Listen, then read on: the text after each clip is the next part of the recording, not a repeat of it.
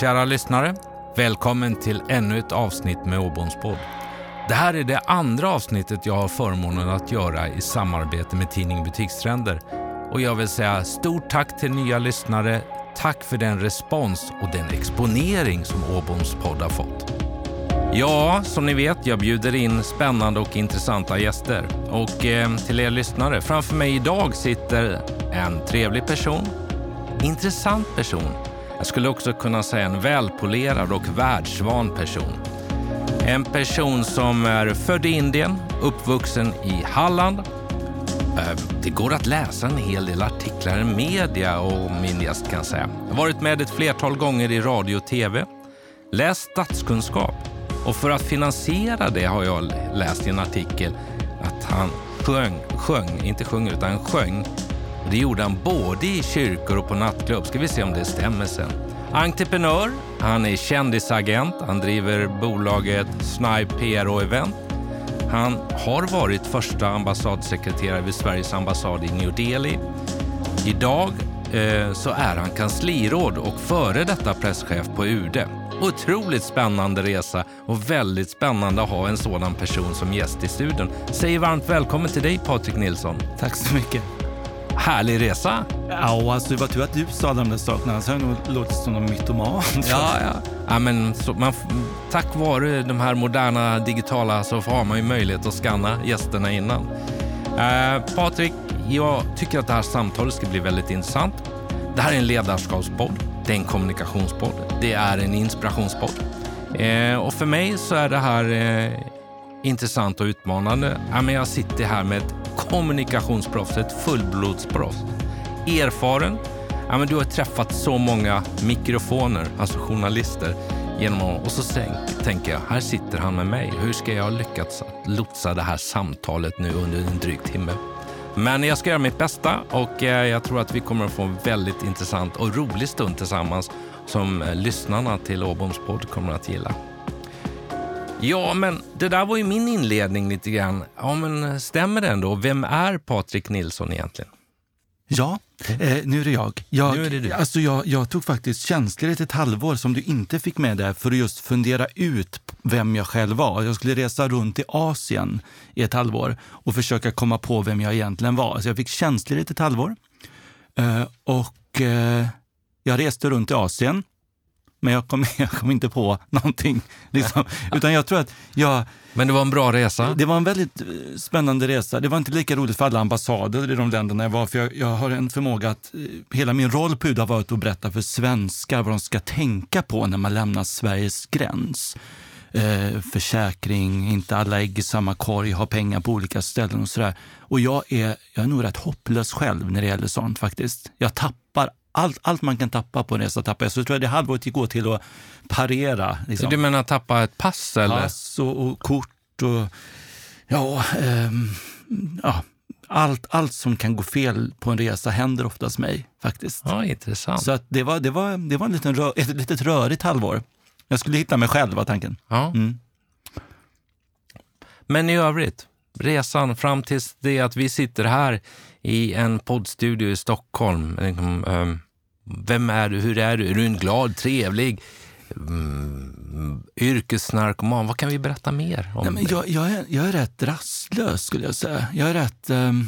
jag, jag tror att min kreativitet och varför jag balanserar alla de här olika uppdragen så många gånger, det är nog för att jag, jag söker ofta eh, och jag märker att jag behöver få, få, få liksom tillfredsställa min kreativa ådra. Och det gör jag nog dels naturligtvis genom min anställning på Utrikesdepartementet, men också genom att få möjligheten att verka inom den sektorn som jag alltid har tyckt var så spännande, kulturen. Och, och det är inte alltid självklart. För mig så, det första jag fick höra i Varberg, när man växte upp i Varberg, och, jag, och man frågar vad vill du bli? Allt ifrån att jag var sex år fram tills jag var tolv så skulle jag bli lokförare. Men jag är det mest otekniska som du kan tänka dig. Så någonstans var det tur att jag liksom inte tog, tog de stegen. Men jag, fick, jag, jag sa rätt, jag tror jag var 12 när jag sa att jag vill bli manager. Vet jag att jag sa. Och då var det en grannfru som sa, ja, låter bra, men du måste ha ett riktigt jobb först. Och då, nu tycker jag, hoppas hon, om, lys, om hon lyssnar på det här så tycker jag, då får man själv bestämma, är det UD som är ett riktigt jobb mm. eller är det PR-firman eller vad det, vad det nu är, restaurang eller vad det kan ja. vara. Eh, men jag, jag, jag bestämmer för att jag, jag ska bli manager mm. för kulturpersonligheter. Det var det? Ja. Vi kommer tillbaka till den. Ska du få berätta lite grann hur, hur det är och vad det innebär. Eh, lyssnarna, vad ni kanske inte vet om Patrik och som jag lyckades få fram. Och här är det beroende på hur eh, gammal eller ung man är. Men eh, i kanal 5 2001 fanns det en dokusåpa som hette Villa Medusa. Eh, och där korades du som segrare. Hur mycket tid har du haft för din research? Ja, men eh, det har gått, ja, men nätterna är eh, långa. Lägg till att det var 2001. Ja, det var 2001. Ja. ja, just det. Och då kallades du också för pastorn. Ja. Var, kom det ifrån? Får jag, får jag, nu, nu gör jag en sån här snygg parering som vi gör när vi blir intervjuade. Ja, helt... Låt mig först säga att det har gått 20 år sedan det här nu. Så det var en tid, det var en svunnen tid. Aha. Så här, jag skulle göra om det vilken dag som helst för det var så förbaskat roligt. Det hade jag gjort. Men om du hade frågat mig, eh, skulle jag göra det idag? Mm. Igen? Nej, men ja. det, hade, nej, det hade jag inte det gjort. Hade du inte gjort. Nej, det hade jag inte. Nej, okay. Men eh, då var det kul. Ja, men du vet, komma eh, från, från Varberg till Stockholm när jag var 20 år och inte känna en människa. Det är en rätt kall stad, Stockholm, när man är helt grön här faktiskt. Mm. Så att i ärlighetens namn så blev den här såpan, som jag fick en fråga från hon som var kastare. Mm. Vill du göra det här? Det vore spännande. Jag var anställd på utrikesdepartementet redan då. Mm. Och, eh, och jag, det, men det kommer inte funka, det går de inte med på. Men det var en väldigt klok äldre man som var chef där som sa, som visste att jag mådde rätt dåligt. Mm. Att jag inte kände så mycket människor och så vidare. Och han sa, gör det här. Eh, och så kom han in, gick han ut sen, så kom han in igen och sa han, sköt dig, men gör det. Okej. Okay. Och det gjorde jag. Och faktiskt, säg vad man vill, men det öppnade. Det, det öppnade. Det öppnade dörrar. Ja, oh. det gjorde det. Och jag skötte mig nog lite för mycket, för du har helt rätt i att jag kallar för pastorn. Det beror inte på att jag är präst eller någonting, utan jag var, jag var rätt präktig. Jag var präktig. Och troende. Ja. Och då, då epitetet pastorn fick jag då. Det är inget fel i det. Nej, nej absolut Men jag har inte hört det på tio år. Nej, okay. Sorry, men ja. jag hittade, tyckte det var häftigt. Sen en annan sak som jag har hittat, det är att du är presshäst i något som heter Stallbröderna. Och för den oinvigde, vad är det? Jag undrar om, press, om, om stallbröderna själva kan svara exakt på det. Men vi har ju liksom, jag sitter med i styrelsen för Stallbröderna som är ett, ett sällskap för eh, säga, kulturarbetare. Mm. Och i styrelsen så har jag den, den fina benämningen presshäst, så jag är ansvarig för eh, mark, alltså marknadsföringen, presshanteringen och kommunikationen. Även där. Och, och vilka är med i... Och alltså det, när jag blev invald, mm. Då var det ungefär som att dels fick jag nypa med armen lite för att tänka att nu satt jag ja, medel, jag sänkte medelåldern med 30 år, okay. för det första. Ja. Det var liksom Bert-Åke Varg och Lasse Berghagen. Ah, okay. och när jag kom in då, då var Magnus Härenstam och Bosse Larsson och alla mm. de här med. Mm. Och, och det var ju det är ju sådana som du själv satt och tittade på i Varberg och verkligen såg upp till. Och helt plötsligt så får du vara med där mm. På exakt lika villkor som dem tror min mamma var mest imponerad över att vad heter han, Lasse Lundahl var med. Ja. ja fortfarande är med. Ja. Och, eh, och så presshäst, det är ju naturligtvis, då, då har vi, vi har, vi har jag får inte säga för mycket, Nej. Säga, men man, han har hästnamn och, och så. Okej, okay. ja. ja, intressant. Mm. Spännande. Ja, så det, det är ideellt. Det är ideellt. All right. Patrik, när man... Eh, när du pratar om det här med kultur, pratar med kommunikation, vad är, vad grundar du det i? Vad är drivkraften för dig att, att jobba med det? Kommunikation är... Alltså det, ibland tycker jag det är lite för mycket klyschor när man pratar kommunikation. Men kommunikationen är grunden till det mesta. Det är alla, alla människor behöver det. Om vi pratar om yrkeslivet, om vi pratar om ledarskap och chefer. Det är inte bara de som behöver kommunicera. Och många chefer, tycker jag, tror att kommunikation det är liksom en, det är en, det är en, en envägskommunikation mm. från ledning till medarbetare. Mm. Har man inte två vägar i kommunikationen, då tror jag, nu får du rätta mig om jag har fel, jag vet ju vad du jobbar med också, jag har också läst på lite grann. okay. Då får du säga, men det måste vara en tvåvägskommunikation. Jag har alltid haft som vad man säga, led, ledstjärna i min egen kommunikation. Det är vem, speciellt när jag pratat för UD. Jag var, har gjort intervjuer för UDs räkning i tio år. Mm. I tio år? Ja. Wow. Jag har varit presschef i några år och sen dessförinnan var jag på den konsulära enheten och gjorde intervjuer för UDs räkning. Jag gjorde min första intervju 2009 i TV4. Och nej, vet du när jag blev bra på kommunikation? När jag själv tyckte att jag blev bra på det. Nej. Det var när jag bestämde mig för att nu ska jag sluta kommunicera så att de internt på UD förstår vad jag pratar om. När cheferna, politiska ledningen och tjänstemännen, när de var nöjda med kommunikationen. Jag bestämde mig för att nu ska jag sluta prata till dem, utan jag ska börja prata till Birgitta, 58 år i Sundsvall. Då vände det. Då vänder det. Ja, för då började jag prata på ett sätt som var begripligt. Och den finaste komplimangen jag har fått, och av, från flera, det är när folk säger till mig, du pratar på ett sätt som folk förstår. Det är den absolut finaste komplimangen jag har fått, tycker jag. Ja, spännande. Vad, vad eh, märkte dina chefer och eh, politiker eller kollegor, märkte de en skillnad i din förändring där när du började prata till Birgitta, 58 år i Sundsvall? Ja, det tror jag. Dels eh, eftersom man eh, ofta liksom ska sig inom ramen. Men det, men det handlar också om att jag tror att de allra flesta skulle säga att när jag pratar om något av UDs områden i den kapaciteten så höll jag mig inom ramen. Men jag valde uttryck och ordval som gör att ibland kunde jag få, helt ärligt nu, nu hoppas inga UD-kollegor lyssnar på det här, då. Eh, jag kunde få underlag där man skrivit liksom bakgrunden om en fråga. Mm. Och det var så komplicerat så jag, jag fick läsa det tio gånger, jag fattade inte själv. Och jag försökte säga, men skriv, jag, jag, alltså, det tar ett tag innan man själv vågar säga, jag fattar ingenting av det här. Jag, för, jag har ändå jobbat här sedan 2001 och jag fattar inte det här. Hur ska Birgitta, 58 i Sundsvall, förstå? Inget ont om Birgitta, Nej. men, men jag har jobbat med jag förstår inte- Jag tror inte hon kommer förstå heller. Så jag valde att börja använda mina egna ord och prata istället för att säga exkulpera. Då sa jag, vi ska inte ursäkta oss. Eller till och med, vi ska inte be om ursäkt. Mm. Och så vidare. Och så vidare. Ja. Ja.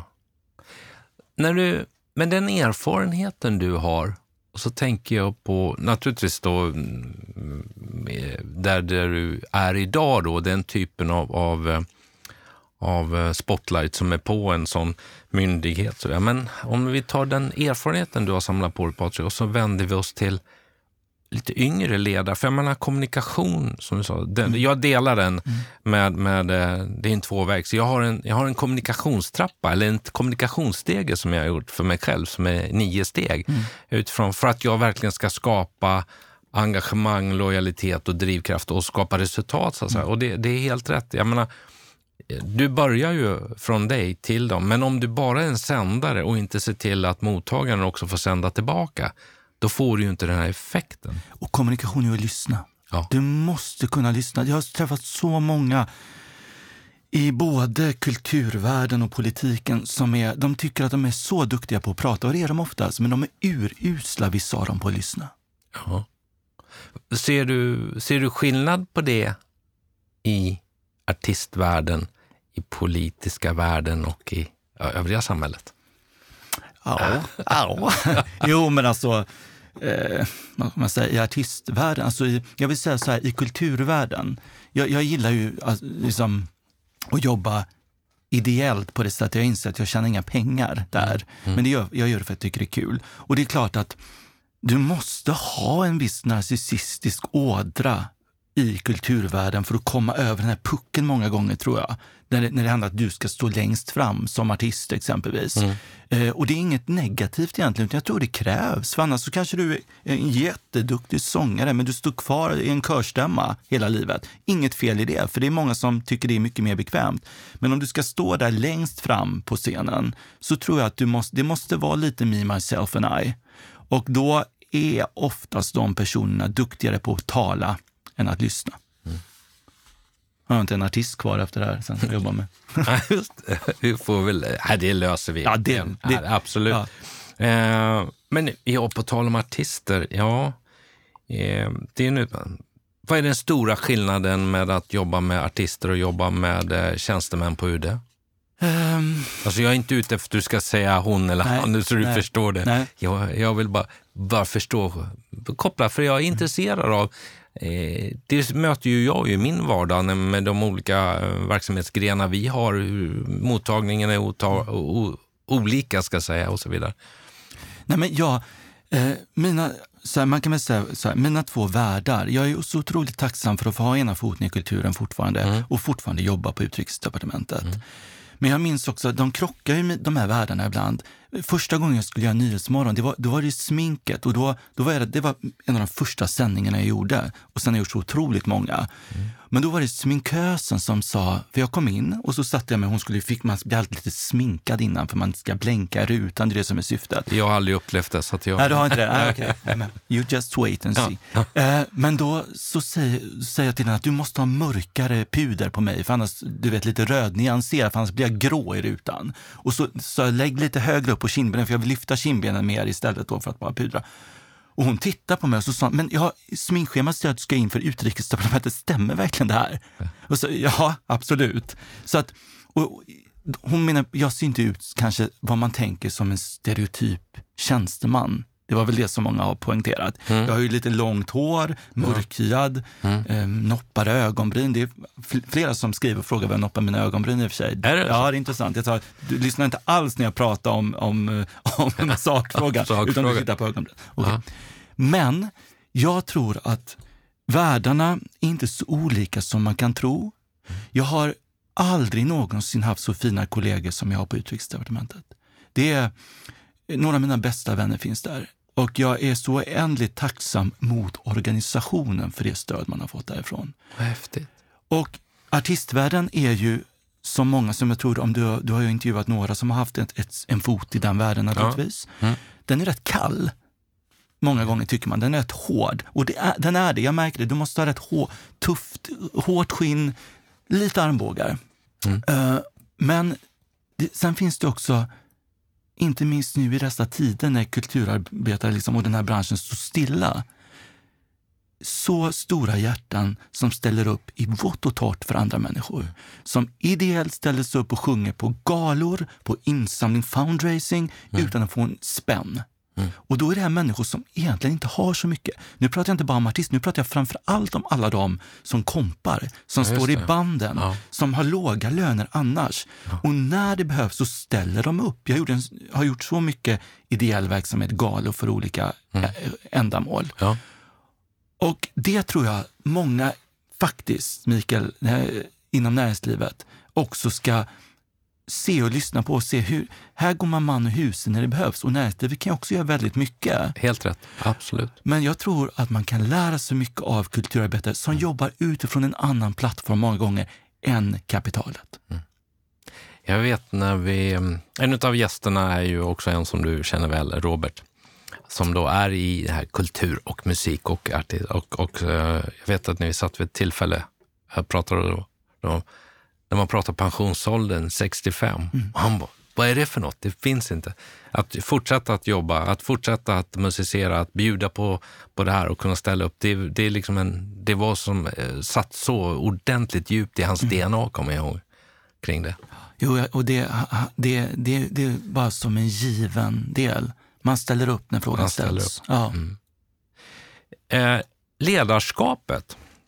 Någonstans, eh, nu vet jag inte hur organisationen ser ut runt dig, och så här, men någonstans finns det ju en, eh, man kan vara så att säga chef som titel men, men, och man har eh, många under sig eller inte och så vidare. Men oavsett det, då, ledarskapet, du, du möter ledare, du är själv en, en, en ledare i din. Vad, hur, hur har det varit en viktig komponent att att ta med sig och tänka på att jobba. Inte bara utveckla din kommunikativa strategi och förmåga så att säga.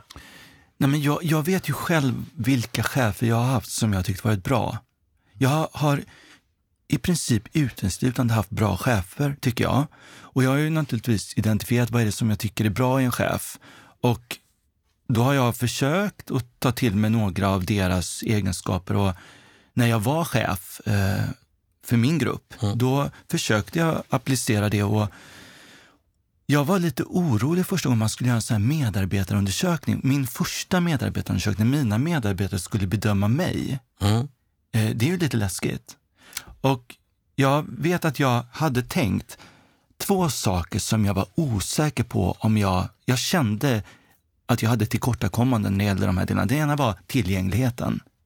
Därför jag var borta, alltså bort, borta mycket i den bemärkelsen att det är mycket möten, man var sällan på sin plats och de behövde stämma av väldigt mycket frågor. Eh, så det var en fråga jag hade. Och tiden, att ta tiden att utveckla medarbetaren. Eh, att se det som din uppgift som chef att du ska få din, dina medarbetare att växa, dina kollegor att växa också. Och de är inte där för att på något sätt bekräfta mig. Och det intressanta i den medarbetaren var att det jag toppade på i de två, det var tillgängligheten och att jag alltid fanns för att antingen stötta upp eller bolla en fråga. Mm. Eh, och jag tyckte själv att jag la mig i lite för mycket när jag gjorde det. När jag exempelvis, om det hade varit en tuff intervju, i vissa fall kunde ringa redaktionen och prata lite om bakgrunden och varför ja, mm. det såg ut på ett visst Just. sätt. Att jag kände att nu klev jag in lite för mycket, skulle kanske backat. Men jag förstår att de uppskattade att man, man kunde liksom helt okej okay att göra fel. Jag sa det ofta, gör fel. Det är bättre att ni kan manövrera och känna att ni kan ta en fråga framåt så att ni inte behöver känna att någon sitter på axeln eller att man behöver stämma av varje steg man tar. Mm. Utan skapa medarbetare som kände, när är det ett vägval? När måste jag åtminstone veta om någonting? Mm. Då kände jag att då satte man de här ramarna. Eh, och, och sen det svåraste nummer två, nummer två var ju, tycker jag, att vi är alla olika. Vi är olika. Ja, vissa behöver otroligt mycket eh, styrning, vissa behöver inte alls. Vissa behöver ramarna och är rätt bekväma i den ramen sen. Mm. Eh, vissa behöver stämma av extremt ofta och vissa gör inte överhuvudtaget. Du vet, alltså, ja. Hur hittar man arbetssätt som gör att vi tillgodoser alla medarbetares olika kvalifikationer?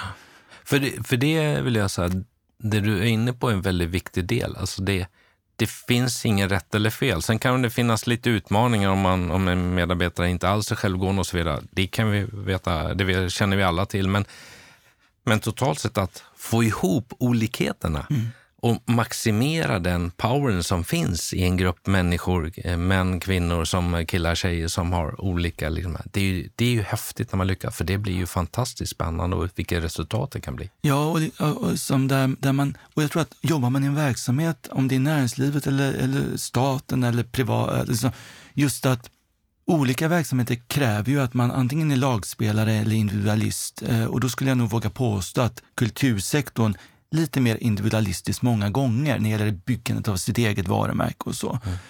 Medan de verksamheterna jag har jobbat i, när det gäller, inte minst på UD, då är det, det är helheten. Det, det, du kan inte vara individualist på det sättet. Du måste jobba mot ett gemensamt mål. Och där man också identifierar att nyckelspelare är inte den... Även om jag, när jag var presschef, mm. så var jag oftast den som syntes. Mm. Men, men man får inte missförstå det att det, det, är inte det som är viktigt, utan det är liksom nyckelpersonerna finns oftast, det är de som inte syns.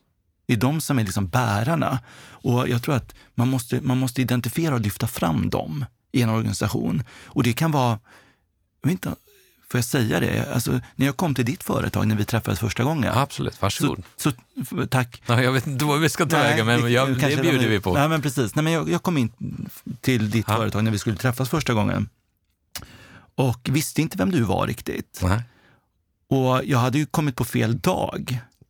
Jag var där en vecka innan, på tal om min rörighet.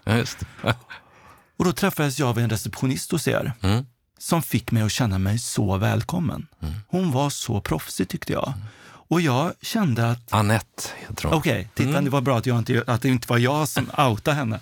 men, men du vet, hon var för mig en nyckelperson som jag skulle vilja ha in bara för att hon var en del. Hon fick mig, jag, jag kan tänka mig att hon är viktig för att känna att man är en, liksom, det första intrycket jag fick av ditt företag. Mm. Och jag fick ett otroligt proffsigt intryck tack vare henne. Ja. Så att sådana ska man identifiera, lyfta. Mm. Det behöver inte bara vara chefer. Nej, helt rätt.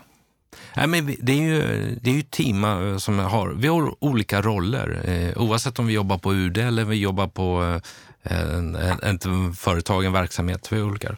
Och i mitt lilla företag, i mitt ja. lilla, lilla företag ja. Sniper och Event, ja. så jobbar jag med en god kollega som heter Madde Wallqvist. Okay. Det är hon som bestämmer. Ja, en barsk sak. Okej. Okay. Ja. Ska ringa och fråga henne fråga henne efter. vad. Ja. Ja, men, men, men det är som du säger, jag gillar att lyfta fram det här.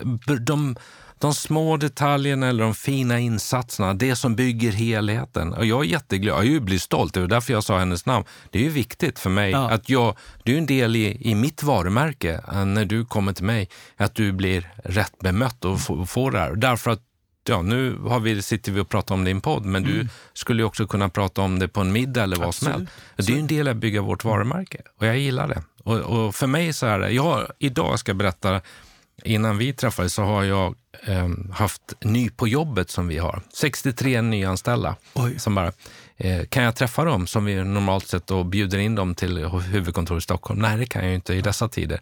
Utan eh, vi körde det digitalt. Och det är lite annorlunda. Men ändå så viktigt för mig att få bjuda in dem och, och känna eh, wow, att de är viktiga i det när de kommer in. Och de får lyssna på mig och mina ambitioner, mina medarbetare, några ledare. Så här. Och är det mycket hierarkier upp till dig? Eh, det beror sig på hur man ser det eller vad du menar. Nej, vi har inte massa eh, där. Vi, har, vi är ju en koncern så vi har ju dotterbolag då så att några är ju, men, men det är hyfsat plats skulle jag vilja säga. Men du är tillgänglig? Liksom. Jag är tillgänglig. Vad, det bjöd jag in dem till idag. Så här, ni som inte vågar ställa en fråga sig i, i den här gruppen nu digitalt eller på chatten då in i det här. Men mejla mig då. Jag svarar alla. Jag tycker det, så- det, det har jag gjort alltid. När en medarbetare hör av sig. Eh, Är det en, en praktisk fråga om säga, ja, ska, ska vi ha blått eller svart? Nej, då kommer jag bolla tillbaka till närmsta chef. Men frågor, idéer. Eller så, här. så jag åker ju gärna ut också och sätter mig och på besöker mina kontor. Det ger mig så mycket, en kopp kaffe. Titta medarbetarna i ögonen och, och, och få prata om, om eh, vår uppgift, vad vi ska göra. Prata om värderingar gör jag väldigt mycket också om där. Ja, just det. Ja. Och alltså, jag kan bara säga jag är så stolt. Vi har så hög frisk närvaro i dessa Bra. tider just nu. Det är Det, tycker jag är ett gott betyg. Det är ett bra och det, är vi, det är många ledare. Ja, Jag har, jag har ett jättebra team. Mm. Jag är så tacksam. Ska jag säga. Det, så det gör ju att man...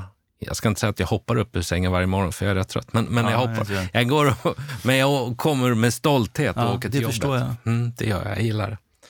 Med, med alla år som du då har träffat så många journalister, eh, du har ställts med så mycket frågor, Patrik. Hur, har, hur utvecklas samhället? Jag menar, idag så har vi vi är ju så eh, synliga via det digitala fönstret som inte fanns för 20 år sedan. Hur har det påverkat din, din karriär och din yrkesresa? Privat eller yrkesmässigt? tänker Ja, mer yrkesmässigt skulle jag Ja. säga. Eh, nej men, fördelen är ju naturligtvis att eh, vi kan kommunicera våra egna budskap i, i, som personer. Eh, vi kan från, från eh, en organisations sida och från UDs sida så är det klart att vi har våra egna digitala plattformar där vi kan kommunicera och nå ut till väldigt mycket fler personer. Eh, och det är inte minst viktigt nu i, i när vi pratar så är det ju coronatider. Mm. Och det, det gör ju naturligtvis att vi kan kommunicera utifrån traditionella kommunikationskanaler till eh, svenskar som befinner sig på olika ställen i världen eh, och berätta vad som gäller. Och då, det är klart att det är en fördel. Sen är det ju naturligtvis så att inte bara på UD utan generellt i samhället så har det också sett att desinformationsspridningen naturligtvis ökar med tanke på att plattformen ser annorlunda ut. Och det, desinformation är väl på ont skulle jag säga, men liksom det är på gott och ont som vi har möjlighet att kommunicera på olika sätt. Och, och även om vi ska prata yrkesmässigt, nu går mitt yrke ihop med mitt privatliv. Och det kan jag säga, det, det är två saker som är viktiga. Det ena är, det är lätt att sitta bakom en dator och skriva saker. Svårare att sitta och säga det ansikte till ansikte som vi säger nu. Och jag önskar att vissa människor ibland skulle våga åtminstone och säga det till mitt ansikte. Då kan vi börja kommunicera, för då har jag rätten att svara och jag har rätten att kommunicera tillbaka. Det är mycket svårare när man skriver någonting på sociala medier eller går ner i tangenterna Ja. för att uttrycka sin ilska, sin frustration, sin rädsla. Helt okej, man ska få tycka exakt vad man vill. Men jag tänker inte gå in på det så mycket här, men att se ut så som jag gör, vara adopterad och mörkhyad i den positionen jag har haft, är inte bara fördel kan jag säga.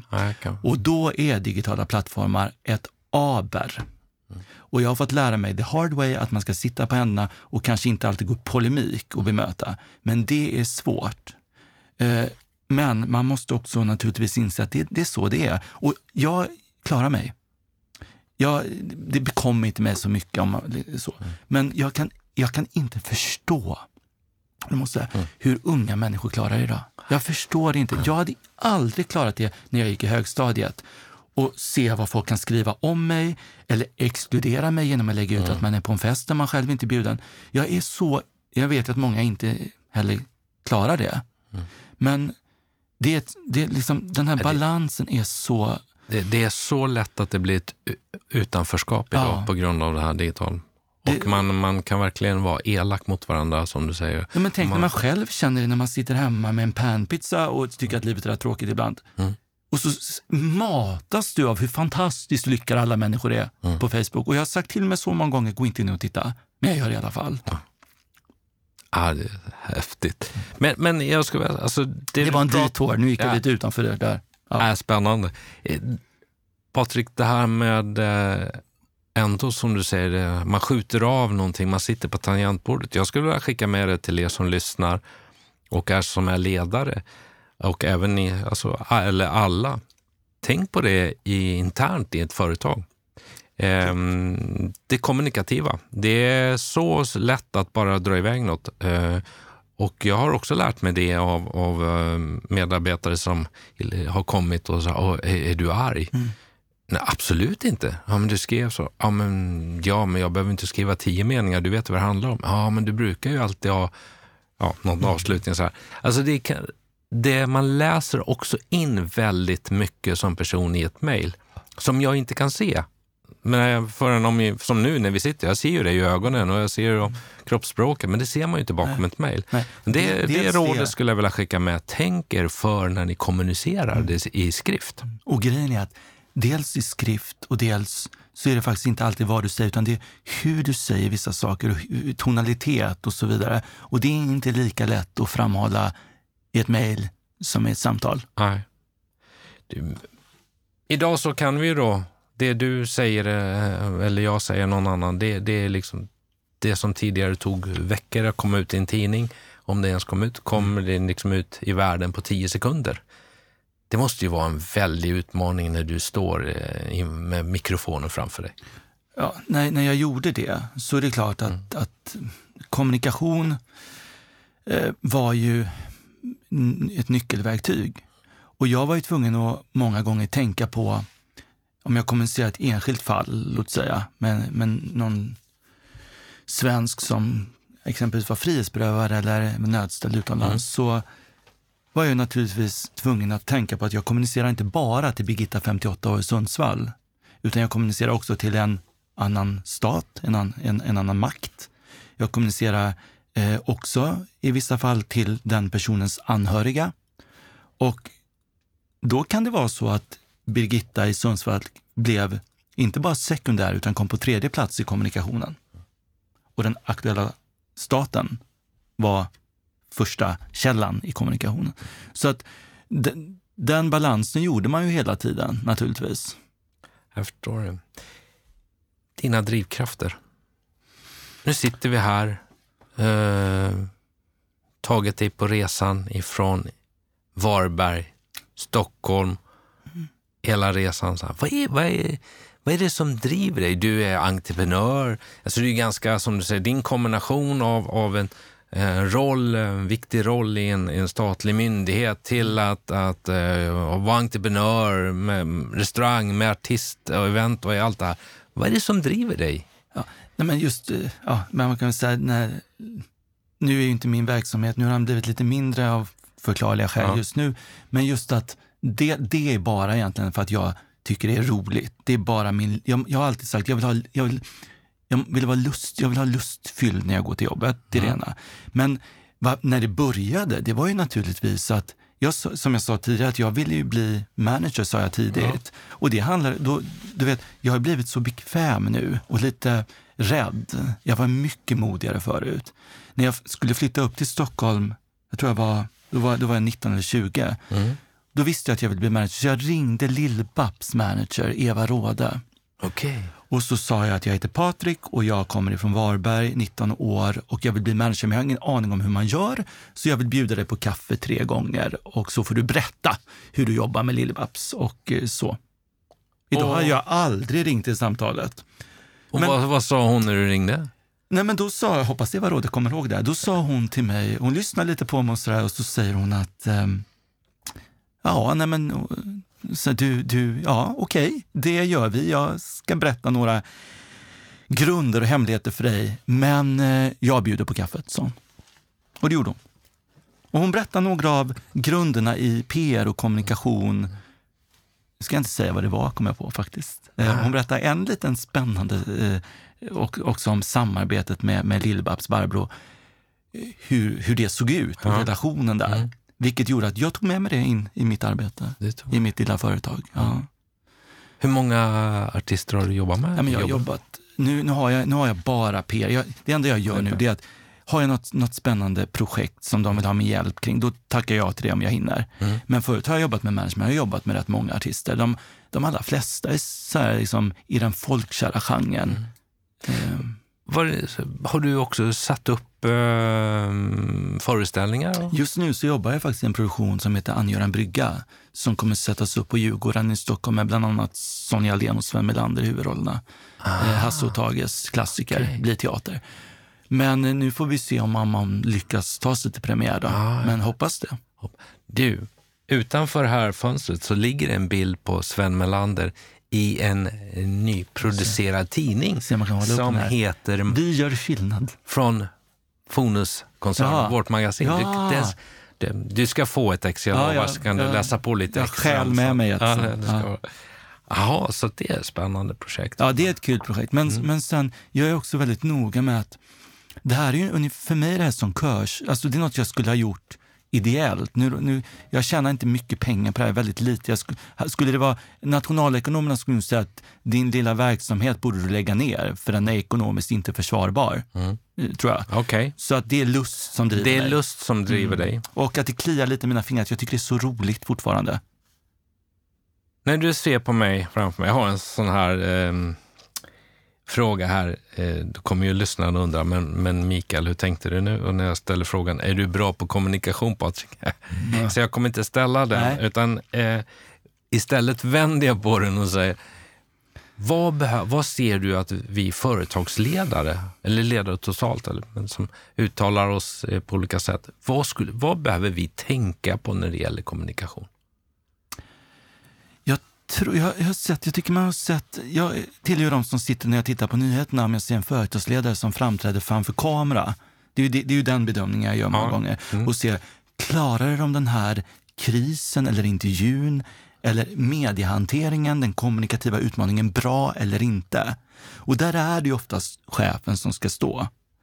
Och jag har sett så många intervjuer, träffat så många inom näringslivet som jag, du vet, när de är bekväma så är de ju otroligt duktiga, kompetenta, drivna. De vet exakt hur de ska, vilka knappar de ska trycka på.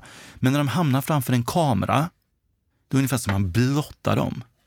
Det är jättesvårt för många, tror jag, att stå där och vara trovärdig. Mm.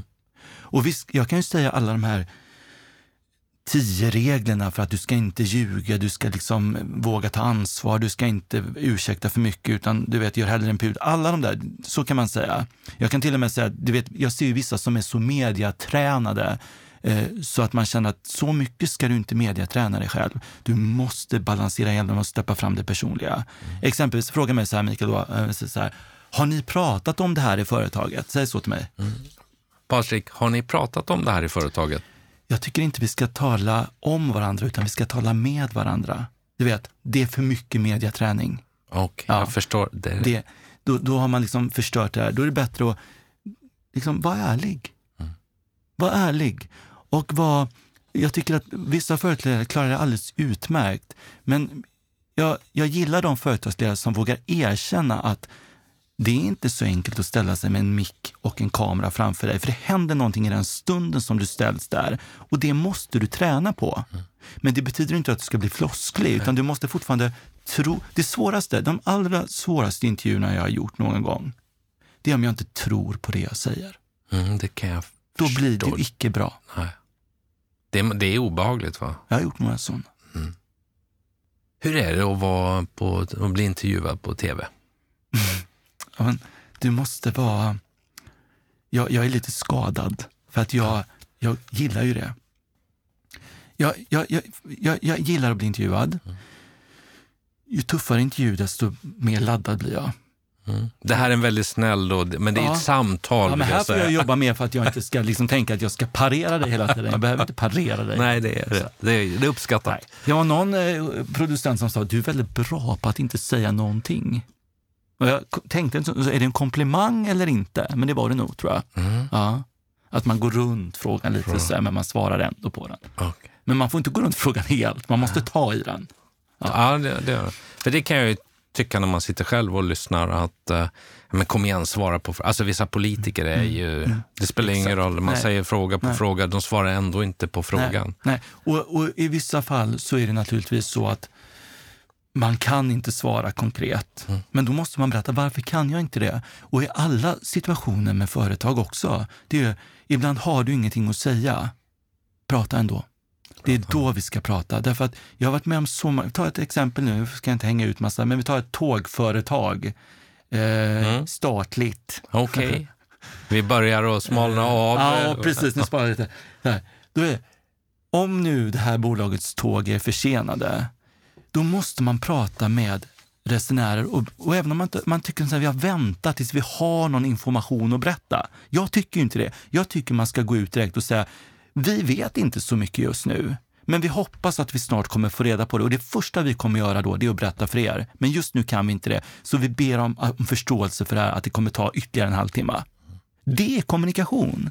Men tystnaden där gör att du hinner skapa en irritation hos mottagaren. Mm. Och de allra flesta människor förstår väldigt mycket. Men jag, jag, jag tror du vågar påstå att alla kriser som man har hanterat, även jag, så är det kritiken är oftast att vi hör ingenting. Vi, ni har inte kommunicerat överhuvudtaget. Sen kommer det alltid vara så att man kan aldrig ge alla tillfredsställande svaren. Du, du förlorar några det, och så är det bara. Mm. Men jag, jag skulle säga att, och det är därför jag, jag vet inte, jag, jag gillar att jobba med kommunikation, men jag är också så här, man får inte bli för bekväm i kommunikationen heller. Utan man måste hela tiden inse att det är utmaningar i kommunikationen. Vad, vad lägger du, kan du utveckla det lite när du säger att mm, får inte bli för bekväm? Eh, I att använda samma typ av metod hela tiden. Exempelvis, ja, men vi skickar ut ett mejl till er. Vi skickar ut ett sms till alla. Det räcker kanske inte Nej. alltid. Okej, jag förstår. Där kanske det är så att man kanske ska, vi inte ta ett sånt företag, vi kan ta något annat företag. Där kanske det är att man måste öppna, säga att vi finns tillgängliga 24 timmar om dygnet i en chattfunktion för att ni ska kunna berätta för oss vad som är fel med vår produkt. Gör det då, för det behövs just nu. Mm. Låt vdn svara på några frågor. Ehm, eller inse att du, för, framförallt företag, är, är det fortfarande så att kunden har alltid rätt? Mm. Det vet jag inte. Tänker man så? Är det en gammal flosklig klyscha? Alltså, det, det är ju, den har ju hängt med länge. Ja, vi säger så att kunden är vår viktigaste tillgång istället. Ja, okej. Vi säger inte att kunden alltid har rätt. Nej, Eh, för det är ju uppenbart, kanske inte så är det helt kanske inte.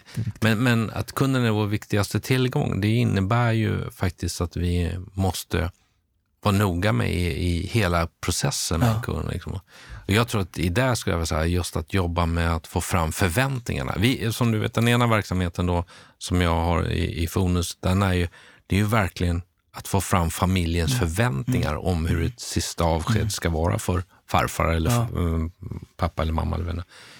Det är ju det är mycket viktigare än att man säger att kunden har alltid rätt. Ja.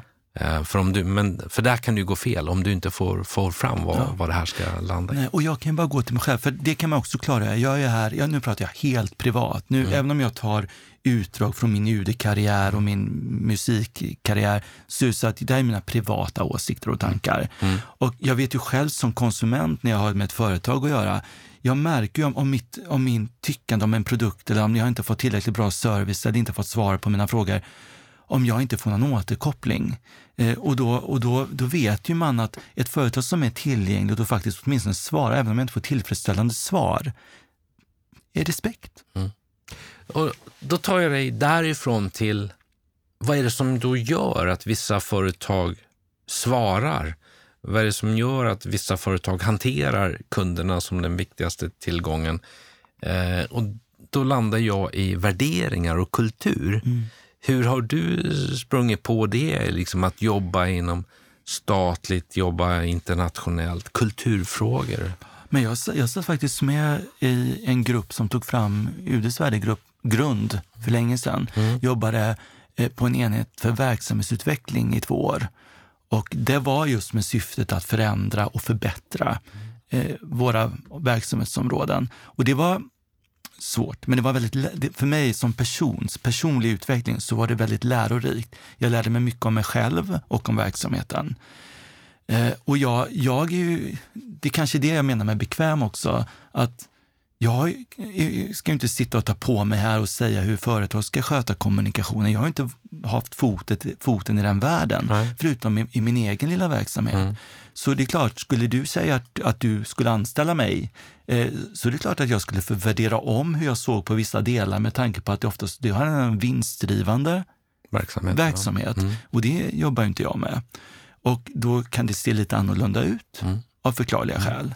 Men tror du att det bottnar i... Sa jag precis just nu att du skulle, att nu, det var som en jobbintervju här. Nu, Ja, just det. Ja, jag, det jag har noterat ja, det. jag vill testa näringslivet. Ja, du vill testa Ja, när det skulle jag- det vi skulle går ut. Det här kommer vi sprida. Ja, just det. Patrik vill testa Ja. näringslivet. Nej. Fick du mitt CV också? Ja, just det. Det kom här. Ja, det är intressant. Jag har ju skannat Ja, just det. Jag har ju gjort en research. Men, men kan du se att de som är duktiga verkligen har bottnat sin... Alltså det här med kommunikation och, och sättet att tänka, att det är också de som har oftast en stark kultur, en bra kultur. Det, alltså, och det, det är ju det. ehm, ta bort det här med kamera och göra en regelrätt Ja. intervju, det är en sak. Mm. Men just en värdegrund att de varumärkena, Mm. där man vet vad de står för, inte för att de säger det, för att det genomsyrar din verksamhet. Och för att när folk tänker på ett företag så stå, de, de kommer i, i tanken till någonting som det företaget står för. Och har man lyckats med det, då, är det rätt, då, då, då har man lyckats med att bygga en väldigt stark grund som är rätt tacksam att kommunicera utifrån. Och det finns ju, nu ska jag inte ta några exempel, men det finns ju några företag som har jobbat med värdegrunden och verkligen eh, stampat ner i jorden att det här är det vi, och det ruckar vi inte ifrån. Nej. Och det märks skulle jag säga. Så, så du kan säkert också ta några exempel på företag som verkligen har gjort det här. Eh, Och om det är medvetet, att man har valt det som strategi, att man sagt att vi ska ha en värdegrund som genomsyrar, eller att det bara blivit så, det kan nog se väldigt olika ut skulle jag säga. Kan det vara så att vi har ett av våra ord i våra, våra värderingsarbeten, heter omtanke. Kan det vara så att hon du träffade i receptionen, hen, hon hade verkligen omtanke om dig som gäst när du kom? Att det är liksom, det är det, vi ska inte prata om just det aktuella, men förstå vad jag menar, det är det alltså ta dem hela vägen i de små detaljerna, i de små situationerna, mötet mellan människor. Där tror jag ju att värderingar verkligen gör skillnad, ska jag säga. Så som jag ser på värderingar i företag så har jag också märkt de företagen, så pass lyhörda tror jag att vi är, när man ser att ett företag har en uttänkt personalpolicy, de är måna om sin personal, de tar hand om sin personal, folk trivs och att arbeta där, det tror jag gagnar företaget i längden och även för mig som konsument så är det naturligtvis så att jag är väldigt eh, öppen när, när, när jag läser om företag där jag ser här, här mår personalen dåligt. Här finns ingen trygghet. Eh, man eh, har inte arbetsrättsligt kanske följt alla de regler som man ska göra. Jag är jättesnabb att då bära med mig att det där vill jag inte, det vill jag inte stödja. Mm. Så funkar jag. Och det tror jag inte jag är ensam om. Vilket gör att tror man att, att personal liksom är godtyckligt, då, då tror jag att man, man måste göra sin hemläxa och se till att börja, nu sa du en trappa, men börja mm. där hemma. Mm. Faktiskt. Patrik Nilsson är ett varumärke, säger jag. Vad säger du då? Det vet katten. Är det det? Ja, men drygt tio år um, framför kameror och så vidare med massa där. Du har stått där, man känner mm. igen din bild, din mm. siluett. Mm. Uh, ditt mörka hår och så lite längre så här. Det är ju ett varumärke, är det inte det? Ja, men, och jag, det är därför jag känner att nu har jag, nu har jag gjort det. Nu är det dags för nästa utmaning. Vad det nu kan bli, det vet jag inte än. Ja, men du eh. sökte ju kommunikationsjobbet hos mig. Just det, det gjorde jag precis. Jag är så glad i den anställning jag har på UD, men det är alltid kul att, att se vad som finns ja. när det liksom ja. finns en värld där utanför också. Ja. Men ja, så är det kanske. Och jag, det har du rätt i. Så mycket vänliga människor det finns i Sverige framför allt. Så mycket när jag åkte runt i sommar på semester, så mm. fina saker som folk säger till en. Mm. Då är det, och det är därför jag, jag ska inte älta det, men 98,5 procent är så fina kommentarer. Och så är det den här 1,5 procenten som är lite fula, mm. som fastnar hos en. Mm. Märkligt hur man funkar som människa, ja, tycker jag. Att man, att man inte det. går på det. Eh, så att jag har ju fått, jag kan säga det, jag har bara positiva egen, alltså liksom erfarenheter från det här jobbet jag har haft. Jag har också fått ta baksidan, vilket gör att jag ändå är så glad över att de allra flesta människor de har ett kritiskt tänkande. Allt som man läser är inte sanning. Mm. Eh, de har förmåga att vara nyanserade och göra en urskiljning och inse att oavsett vad vi pratar om för något så finns det alltid olika delar som man ska ta in innan man gör sig en bedömning. Mm. Och mitt varumärke som person, ja, det, det är ju någonting som jag naturligtvis, jag är glad över om, om du säger att du tror att det är så. Det är jag otroligt tacksam för. Men sen är det också att jag, jag är ju en sån här som sökare. Mm. Jag vet ju fortfarande inte vad jag ska göra när jag blir stor inom situationstecken. Mm. Jag letar fortfarande. Ja, för det är en av frågorna jag har mot slutet sen. Liksom, vad, vad, kommer vi se eller vad ska du göra när du blir stor för att använda din? Nej, men jag, och jag, jag är ju så här liksom väldigt, jag tror inte folk, jag är rätt, vad ska man säga, enkelt på det sättet att jag mår, mår allra bäst av att sitta med mina vänner och äta en god middag. Det är lyx för mig verkligen. Och jag, mm det alltså vänskapskapitalet som jag har sett de senaste åren att jag har, är, jag var så förvånad. Jag är så glad över det lilla i det. Och jag vill inte, jag tror att jag är misslyckad person i mitt privata liv många gånger. Jag tycker att det har fått, karriären har, har gått först. Mm. Och eh, jag har många andra av mina vänner, som, som, inte minst i Varberg, som jag tycker att de har skapat sig det där livet de vill ha privat. Mm. Där ligger jag långt efter. Men tror du att du skulle vilja vara där sju dagar i veckan, 52 veckor om året och, och, och, istället inte ha det som du nu har byggt upp med ett varumärke? Jag menar mm. UD och varumärket Patrik Nilsson.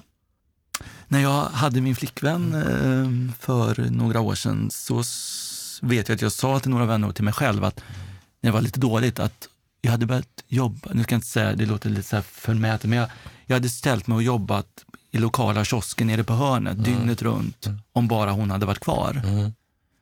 Och jag menar verkligen, det var inget jobb jag gjorde just då var värt någonting, för jag var bara så olycklig i en dålig relation. Mm.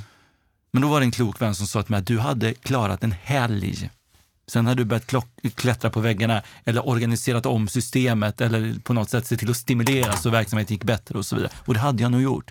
Så jag lurar mig lite själv. Jag, jag är ju entreprenör. Ja. Jag gillar ju det.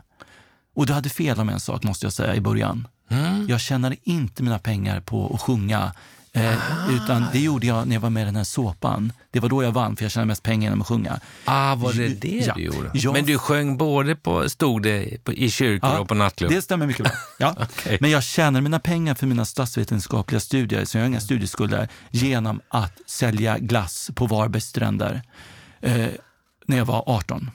Jag hade inget sommarjobb och hade blivit avskedad från att plocka tomater för jag var för långsam och jag kräktes av den här starka bladdoften så jag fick inte vara kvar. Kan det vara så att vi har mötts eh, tidigare i livet då, om du har sålt glass i Varberg? För du vet, är man som jag, född i Borås, Ja. då är ju Varberg en förort till Borås på sommaren i alla fall. Så är det. Och då är det så här, vi har, du har mött min verksamhet men du har inte mött mig. Nej. För jag anställde lite yngre människor som Okej. fick gå och sälja glassen och sen satt jag i vår sommarstuga med mobiltelefon och så ringde de när jag skulle fylla på. Ja. Så mig mötte du troligtvis inte. Okej. Men då fick jag reda på den sommaren att alla stränder i Varberg har gått över till norsk is istället för GB glass. Så jag ringde GB och sa, kan ni ställa en frys i sommarstugan och fylla den med glass? Jag ska ha ambulerande försäljning, behövs inga tillstånd. Och de sa ju absolut. Det var en artikel i Hallands Nyheter som sa kioskägare rasar mot glassförsäljningen på stränderna för de sålde ju inte en glass för alla ville ha GB. Ja. Så 90 000 omsatte vi på den sommaren, vilket finansierade mina studier. Eh, året efter, när jag skulle fortsätta sommaren, hade alla kioskägare gått över till GB Glass. En sommar fick jag. Fick, du någon royalty sen från GB efter? Nej, Inte det ens. behöver vi inte Nej, gå in på. Ah, Men det här ser du ju, eh, och när vi pratar om det till våra lyssnare, liksom, det som jag försöker plocka av eh, och plocka ur Patrik, liksom drivkraften, entreprenören, varumärket. eh, Du har ju en röd tråd med dig från som du har gjort kring det. Du har ju inte, du har inte suttit fast på händerna. Nej, nej, och jag tycker att man ska, så här, man ska, man funkar som man funkar, det är inte mycket man kan göra åt det. Nej. Men man, man ska också tänka, jag tycker att alla, alla unga människor som, som faktiskt skrivit, har skrivit till mig och jag har varit ute och föreläst och sådär, Mm. de frågar ofta, hur har du gjort för att få ditt jobb? Speciellt när jag var presschef och så pass synlig. Ja. Eh, Men generellt på UD bara också. Och de, de här nya som kommer in på diplomatprogrammet, de har ju så mycket bättre utbildning än vad jag har. Du vet, de är så duktiga. Jag har inte fått alla mina jobb på grund av att jag har läst eller har mastrat i alla ämnen. Jag var rätt dålig i skolan. Men lita också på dig själv. Du måste kunna, jag tycker skolan är rätt dålig på det. Lyft fram individen och vad du har i din personlighet som gör att du kommer lyckas bra på vissa jobb. Det är inte bara plugga på ett papper, för det finns saker du kan plugga hela livet och vissa saker kommer du aldrig lära dig eh, för att du har det i dig eller du kan stimulera igång det i dig själv. Så att jag kan ju tycka att jag fick höra hela gymnasiet hur urusel jag var på matte. Jag var sämst. Jag fick IG i matte. Det vet inte mina föräldrar om, kom jag på. Ehm, Okej. Ska vi skicka en speciell Ja, po- poddlänk Jag fick? IG i, Ja. i matte. Och jag var utmärkt i historia, i svenska, i språk och i tal. Men det enda jag fick höra i tre år, det var hur dålig jag var på matte. Mm. Och extra lektioner i matte. Och jag, kunde, jag kan ju nu känna, men varför skulle jag lära mig X och Y och allt det där? Stimulera igång min styrka i att Mm. prata, i att skriva och uttrycka mig istället. Då hade jag varit lyckligare den tiden. Så det jag vill säga med det, är att när jag har anställt, vare sig det handlar om musik eller annat, så handlar det också om att personliga egenskaper är så otroligt viktiga och det ska vi lyfta fram och inte bara stirra oss blinda på papper. Ja, klokt. Jag skriver här som du ser. Sen måste jag också säga, jag måste få säga det här innan vi... Så här, det är att nu har jag ju kritiserat något statligt bolag och någonting så här, det får ju inte jag göra egentligen. Så jag kan väl säga så här, för att summa Jag tar det mer som goda, goda Ja, eller exempel, dåliga ja. exempel istället. Och, och, och avslutningsvis kan man säga så här, man kan allt, ingen kan säga att vi är tillräckligt bra på kommunikation. Du kan alltid bli bättre när det gäller kommunikation. Mm. Så det företag som säger att kritisera inte oss för vi är utmärkta och perfekta inom kommunikationen, det blir man aldrig. Det är ett levande verktyg som hela tiden finns framåt. Men om jag, om jag lyfter blicken då. eh, nu är ju det här inte någon karriärpodd utan på det sättet, men ändå tio år bortåt. Ligger den kvar, den här kommunikativa eh, stora ådran eh, där? Eller har vi svängt någonstans hos dig Patrik? Då? Om tio år, då... Hypotetiskt, ja, hypotetiskt. Nej, men jag, jag, man har inget kontrakt med livet alls känner jag. Inte Mm. minst i dessa tider så tänker jag ofta på det. Eh, inte ens tills imorgon. Nej. Så jag kan någonstans, jag, jag är, det är jag lite tacksam för i det här att, att jag har börjat tänka lite annorlunda. Att jag är glad just nu över att ha ett arbete. Jag är glad över att jag kan kanske planera lite framåt. Men tio år framåt, jag, jag hopp, ska jag vara ärlig, så är, hoppas jag att karriären är sekundär för mig. Mm. Och att det finns något annat och större i mitt liv. som inte är jobb. Till våra lyssnare, om du ska paketera mycket av det vi pratar om, men om du skulle ge några konkreta råd. Jag kommer att summera lite vad vi har pratat om i avslutningen nu, men om du ändå har liksom en, två, tre. Ta med er det här. Oavsett om ni jobbar på ett eh, privat, statligt bolag, organisation, om ni är hög chef, mellanchef eller inte. Ta med er det. här. Vad skulle det vara som vi kan bjuda lyssnarna till Åboms podd på? Mm. Då ska jag säga så här. Eh, inte minst i kulturbranschen, då är det stig inte upp för, för högt, för det gör otroligt ont när du faller tillbaka. Och tänk på att behandla, och det här är klyschigt men det är så viktigt, behandla alla människor väl. Därför att du vet, om du, om du inte inser att du ska göra det för den personens skull, så gör du åtminstone för din egen skull. För du vet inte vad den personen som är assistent idag är om tio år. Den personen kanske är din chef och jag lovar att det kommer ikapp dig om du inte har förmågan att som chef och ledare se att du ska inte göra det för att du har lärt dig på en chefskurs eller för att du har hört det från mig att du ska behandla personer väl, utan du ska göra det åtminstone för din verksamhet och för dig själv. Spännande, tack. Det är en timme ungefär, det går Oj. väldigt fort. Ja, har jag pratat så länge? Uh, vi har hjälpts åt, ja, men, men ja. um, det var spännande inspirerande att få sitta ner i en poddstudio Um, och som sagt var, jag har, har haft förmånen att träffa Patrik ett par gånger tidigare eh, prata om det här. Jag tycker det här var med den mixen av personer som sitter just i den stolen du sitter. Jag har ju mitt favoritrum här hos de här duktiga poddexperterna eh, här på, på, på, i Stockholm. Ja, det var en otroligt mysig studio. Visst är det fint här? Ja. ja. de, är, de är både trevliga och de är duktiga och så är det mysigt här.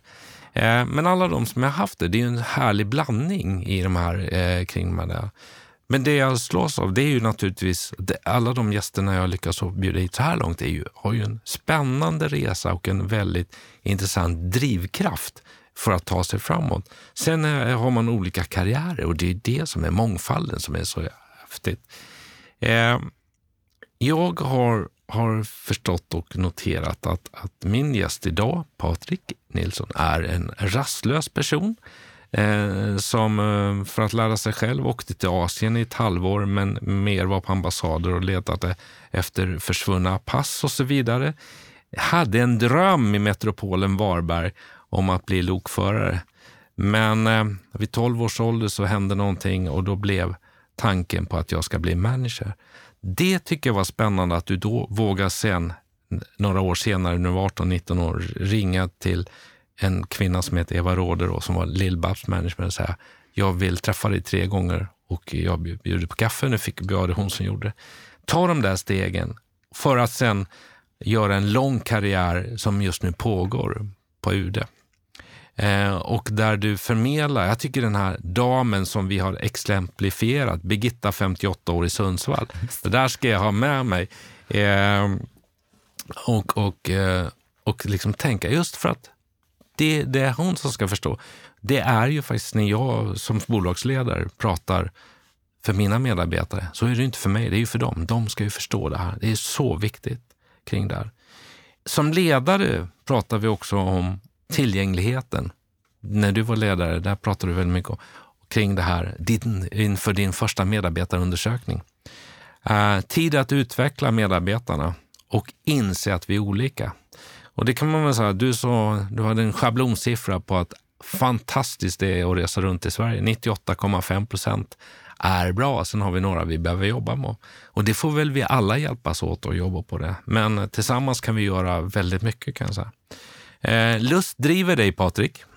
Och jag tror om tio år så är det än mer lust som driver dig i det här. Eh, att kommunicera skulle jag vilja säga till er lyssnare Även om det inte finns något att kommunicera tar jag med mig.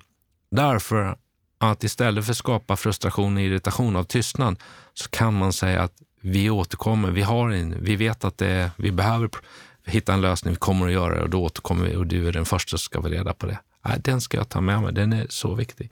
För att om man inte får det så tror jag att man sitter och skapar sin egen sanning där ute. Lita på dig själv. Det är ett måste idag. Eh, du har det i dig och stimulera igång dig, skickade du med. Ja, det är riktigt bra, vad spännande. Ja, jag är imponerad av din sammanfattning, att du fick Ja. med allt det här. Det Ja. var imponerande. Hur kändes det att vara med i Åboms podd då, Patrik? Jo, men det kändes befriande. Det var, jag liksom, det var skönt att få prata vad, för mig själv, om mig själv lite. Ja. Som person och mina personliga åsikter om mycket. Det, det finns ingenting jag tycker är så spännande kommunikation, men det är så skönt att få vara fri och säga vad man tycker. ja. Och nu var du inte den där journalisten bakom den andra mikrofonen, utan nu var det någon som var genuint intresserad av att lyssna. Ja. För det är jag. Och, Ja. och att vi får dela med mig. Det är det som, varför jag gör, vad som driver mig med att göra en podd. Mm. Det är ju att få dela med mig av mina gästers intressanta resa. Och det är min nästa grej. Och det är också det att jag hade ju, jag, när jag jobbade som presschef så var det också alla journalister, de, det finns några undantag, men de allra flesta journalister vill ju bara göra ett gott jobb. Och jag tillhör de som tyckte man kunde föra ett samtal med journalisterna om vad, vad eh, om en fråga för att de ska få rätt bakgrund för att kunna göra sitt jobb bra. Så det tyckte jag om, att man kunde balansera transparensen naturligtvis, men ändå ha respekt för varandras arbete. Härligt. Det har varit ett nöje att ha dig här. Jag är jätteglad att du tackade ja och att du kunde sätta av den här stunden tillsammans med mig och berika en, ett nytt avsnitt i Åboms podd. Eh, Sen har vi en tradition, Patrik. Och det är att vi avslutar med eh, att spela gästens favoritmusik eller favoritlåt eller något som kommer så här, ligger spontant på hjärtat just nu. Vad kommer vi att avsluta med? Ehm, Whitney Houston, Didn't we almost have it all? Fantastiskt. Vilken avslutning. Jag önskar dig allt gott. Stort tack för att jag fick nöjet att ha dig som gäst här och ha en eh, fantastisk resa framåt. Tack detsamma och tack för att jag fick komma. Tack Patrik. Remember